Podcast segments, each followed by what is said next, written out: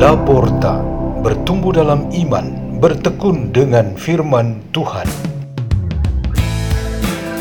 Radio Laporta, pintu terbuka bagimu untuk pertumbuhan pengetahuan dan kebijaksanaan tentang Allah.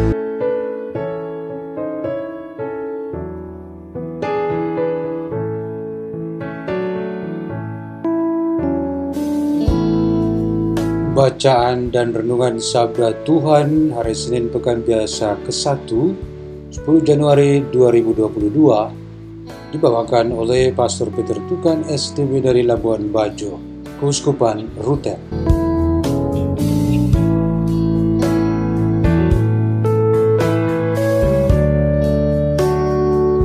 Injil Yesus Kristus menurut Markus bab 1 ayat 14 sampai 20. Sesudah Yohanes Pembaptis ditangkap, datanglah Yesus ke Galilea memberitakan Injil Allah. Yesus memberitakan, waktunya telah genap, kerajaan Allah sudah dekat. Bertobatlah dan percayalah kepada Injil. Ketika Yesus sedang berjalan menyusur danau Galilea, ia melihat Simon dan Andreas saudara Simon.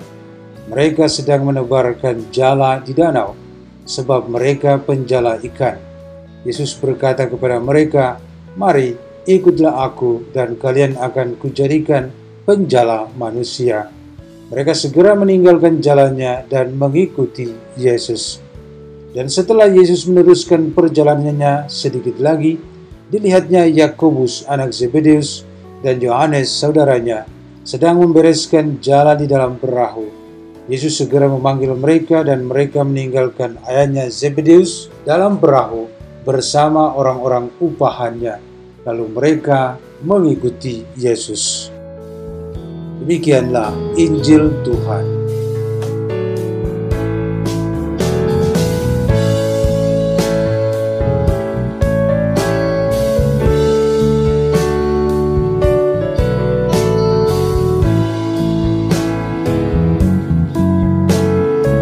Tema renungan kita pada hari ini ialah saatnya ahli yang bekerja. Setelah masa Natal berlalu, memulai masa biasa ini, kita diingatkan oleh profil Yohanes Pembaptis. Ia menemani kita dalam masa Advent, menjelang Natal dan masa Natal. Khususnya di dalam masa Natal, Yohanes selalu bersaksi tentang Yesus Kristus yang puncaknya ialah dia yang membaptis Yesus di sungai Yordan. Setelah peristiwa pembaptisan itu, pertanyaannya ialah, apa tugas Yohanes Pembaptis selanjutnya? Yohanes sendiri memberikan kita jawabannya, yaitu seperti yang dikatakan olehnya, ia harus makin besar, tetapi aku harus makin kecil. Dari Injil Yohanes bab 3 ayat 30, Peristiwa Yohanes ditangkap, dipenjarakan, dan akhirnya dibunuh oleh Raja Herodes membuktikan perkataannya tersebut. Lalu semua kesaksiannya tentang Yesus Kristus itu akhirnya memasuki realitasnya ketika Yesus Kristus tampil di depan umum dan mulai berkarya. Itu berarti ke dalam medan karya yang sesungguhnya, yaitu kebun anggur Tuhan dan dunia yang berisi seluk-beluk urusannya, berada dalam tangan orang yang sesungguhnya, dan kita dapat menyebutnya dengan menyerahkan dunia untuk diurus oleh ahlinya. Yesus Kristus adalah ahli sesungguhnya karena ia diutus oleh Bapa untuk mengurusi keselamatan dunia dan ini tidak bisa ditangani oleh ahli atau pengurus yang lain dan mana pun. Dengan kata lain, seperti yang dikatakan oleh kitab pertama Samuel di dalam bacaan pertama, yang menjadi penentu segalanya ialah Tuhan Allah. Semua utusan Tuhan adalah perantara, seperti Elkana dan Hana. Mereka memiliki kelebihan dan kekurangannya. Hana diyakinkan untuk mempercayakan semua panggilan hidupnya kepada Tuhan saja. Tetapi saat setelah Nabi terakhir Yohanes Pembaptis adalah saatnya Tuhan Allah berbicara dan berbuat melalui anaknya sendiri, maka kehadiran Yesus Kristus adalah kehadiran Allah sendiri. Yesus Kristus yang kita sebut sebagai ahli sesungguhnya bagi urusan keselamatan dunia ini tidak lain, tidak bukan adalah Tuhan kita. Ia tidak pernah berbicara atau berbuat atas nama siapa-siapa, karena yang berbicara atas nama pihak lain ialah para nabi. Misalnya nabi selalu berkata, Allah bersabda.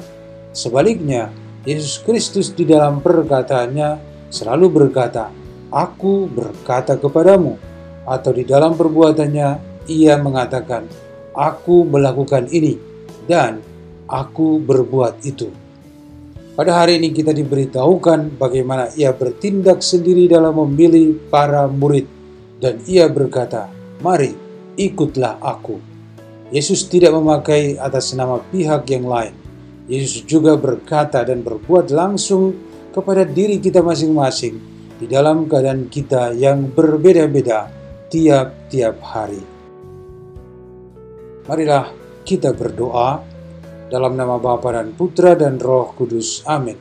Ya Tuhan, buatlah kami selalu bersedia untuk menyanggupi undangan-Mu, untuk mengikutimu Kemuliaan kepada Bapa dan Putra dan Roh Kudus, seperti pada permulaan, sekarang, selalu, dan sepanjang segala abad. Amin.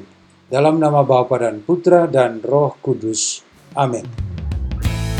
Radio Laporta, pintu terbuka bagimu.